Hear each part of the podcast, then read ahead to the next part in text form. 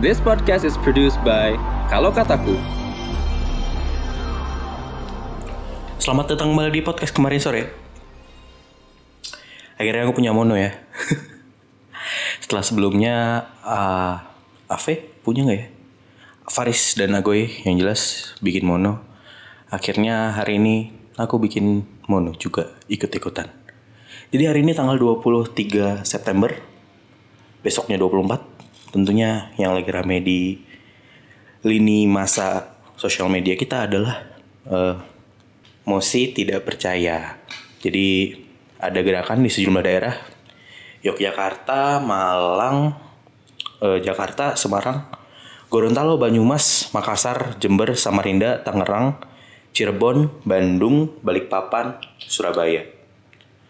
Eh, aspirasinya sih mirip ya sama 2-3 episode terakhir yaitu untuk pembatalan undang-undang KPK dan semua kisru-kisru yang ada di KPK.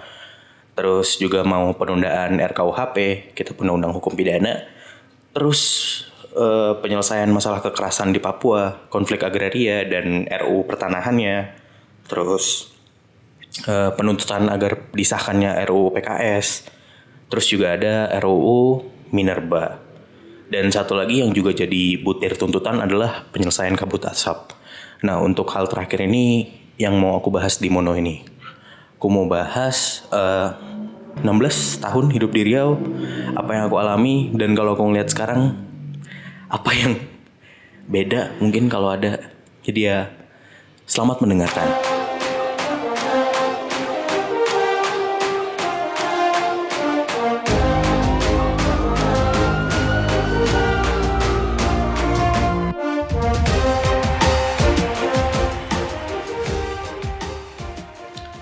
Ya sebelumnya aku mau memberikan selamat dulu ya untuk orang-orang Riau. Ya inilah yang terjadi kalau kalian milih gubernur yang pas kampanyenya cuma foto-foto sama bikin-bikin meme mirip Dilan.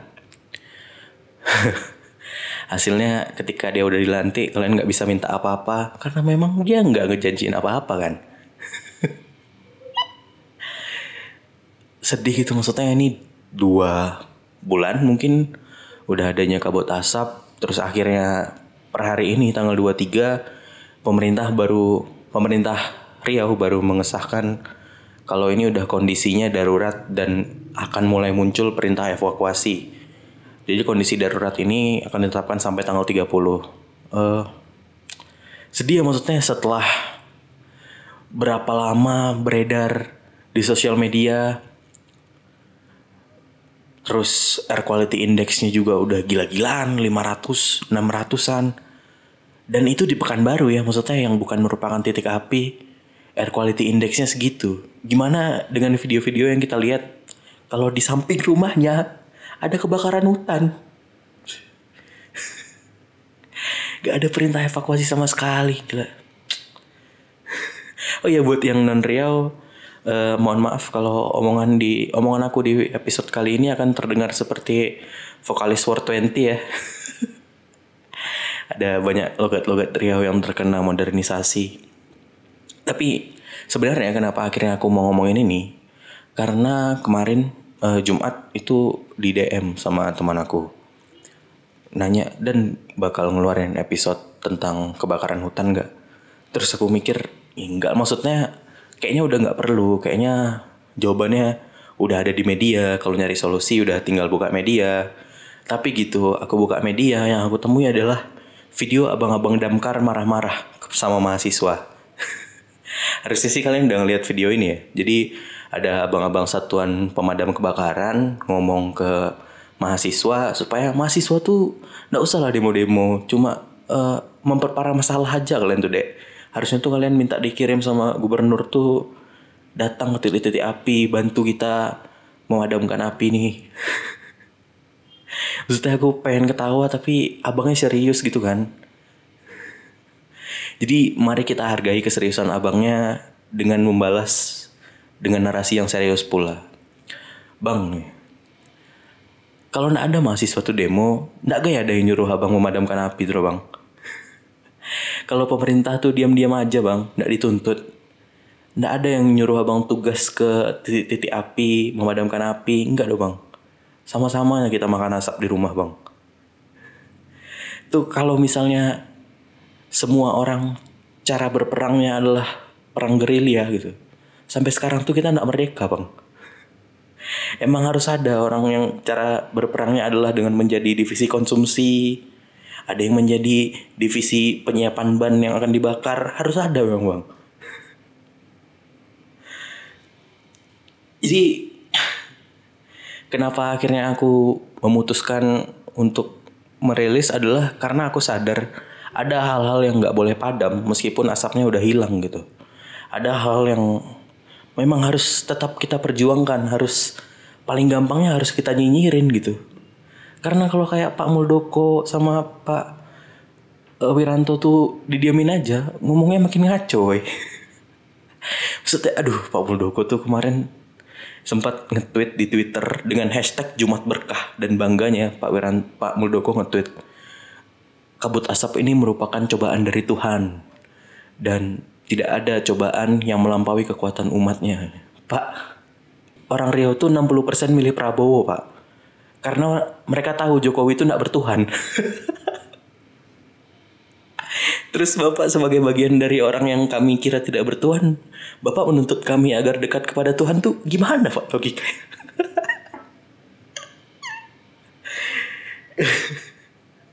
ya maksudnya mari uh, mendekati problem ini tuh sebagai uh, pemberi solusi dan yang ditolong gitu, nggak usah memberi menawarkan pendekatan sebagai pemuka agama kan.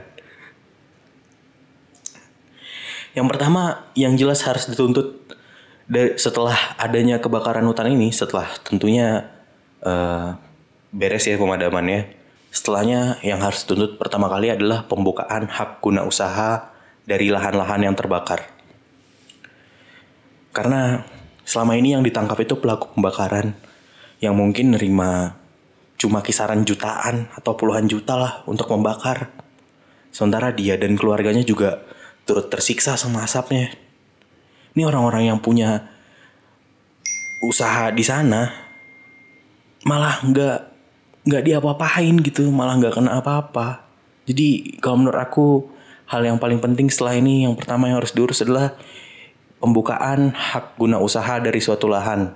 Kalau perlu kita bikin peta online yang menggambarkan uh, daerah ini yang punya siapa atas tanggungan PT apa, terus dirincikan kesiapan mereka dalam menghadapi momen-momen kritis seperti pembakaran saat ini gitu.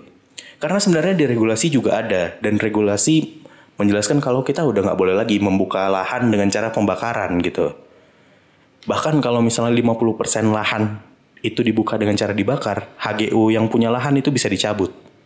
Jadi ayo mulai dibuka HGU-nya supaya kita juga bisa jelas nuntutnya.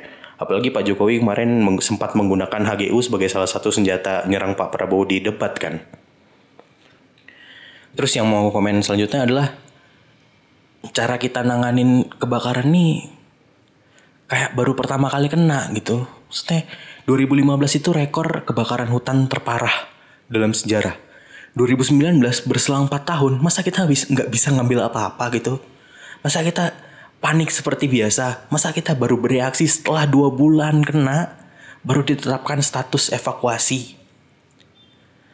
Harusnya kan kita punya pemantau ya, maksudnya sebenarnya pemantaunya ada. Aku baca berita dari bulan April, Juni, Juli, itu udah udah keluar di headline ada 17 provinsi uh, darurat atau berpotensi kena kebakaran hutan. Orang-orang dengan kemampuan itu bikin ramalan kan supaya kita bisa mencegah kan pak? Nggak agar orang tuh pamer skill kan? Maksudnya diprediksi 17 gitu supaya 17-nya nggak kebakaran kan? Bukan pas kebakaran orang-orang itu bisa ngomong tuh kan aku bilang juga apa ada 17 kan yang kebakaran. Gitu pak. Buat apa mereka kerja kalau ujung-ujungnya kebakar juga pak yang pertama yang harus disiapkan dalam sistem pencegahan itu ya jelas uh, alat pengukur kualitas udara atau uh, pemantau titik panas yang tidak di pusat kota. Karena pusat kota nggak pernah jadi titik api kan. Selama ini di Indragiri di bawah di atas di kanan di kiri Pekanbaru itu kan pusat titik apinya. Tapi kenapa kita baru bereaksi setelah Pekanbarunya yang ter, terdampak gitu emang kita nggak peduli sama yang di belakang rumahnya kebakaran tapi belum dievakuasi belum ada posko daruratnya belum ada ruangan steril dengan air purifiernya Emang yang boleh nggak boleh kena ISPA cuma orang Pekanbaru kan nggak pak? Per hari ini tuh 16 ribu orang kena ISPA dan baru ada turun perintah evakuasi gitu. Dan aku 17 tahun hidup di Riau dari kecil SD sampai SMA gitu. Kayaknya nggak pernah ada sosialisasi pencegahan kebakaran atau cara evakuasi kalau ada kebakaran hutan.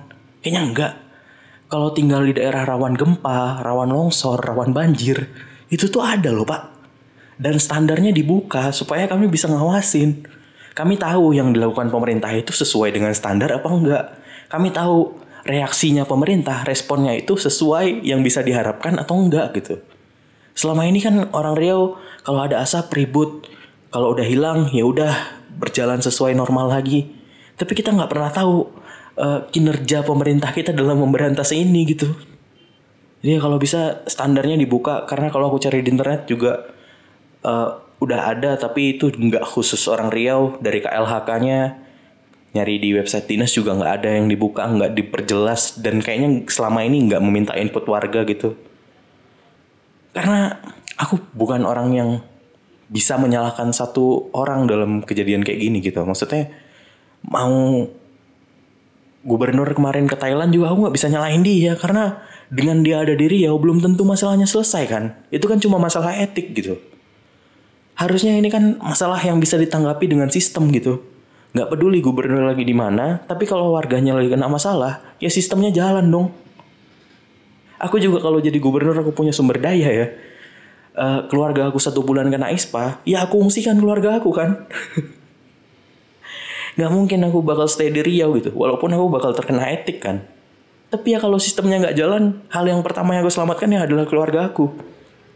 Jadi aku nggak akan nyalahin Pak Samsuar dan lain-lain sih maksudnya dalam hal dia di luar Riau ya. Tapi dalam hal respon timnya yang lambat ya memang salah Pak Samsuar salah siapa lagi. Jadi ya uh, terus juga Pak Jokowi dari 2016 ngomongin restorasi gambut Pak. Masa ada tiga tahun nih jarak belum ada teknologi IoT Internet of Things yang bisa melihat kadar air gambut jadi nggak rawan pencegahan gitu pak. Karena 2019 ini katanya justru belum parah. Angin yang jauh lebih kering El Nino yang jauh lebih kering itu akan ada di 2020 di 16-17 memang anginnya lembab jadi mungkin bapak nggak ngerasa nggak ngerasa pencapaian bapak ternodai dengan ada kebakaran hutan tapi di 2019 dan 2020 angin kering baru akan lewat ke Indonesia gitu.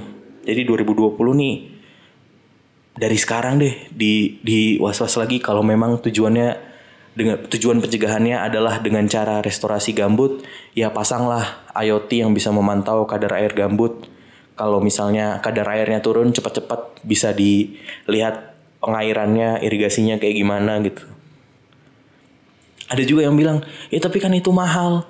Uh, buat beli IoT, buat masang instrumen pemantau titik panas. Ya tapi mahalan mana men sama harga yang harus kita bayar dengan ribuan orang kena ISPA, bahkan ada yang mau nggak mau keambil nyawanya gitu. Ya, ini aja mono episode ini. Uh, mohon maaf kalau sekedar renting dan marah-marah. Tapi ya, namanya juga PKS ya. Terima kasih telah mendengarkan episode ini sampai tuntas. Sampai jumpa di episode berikutnya.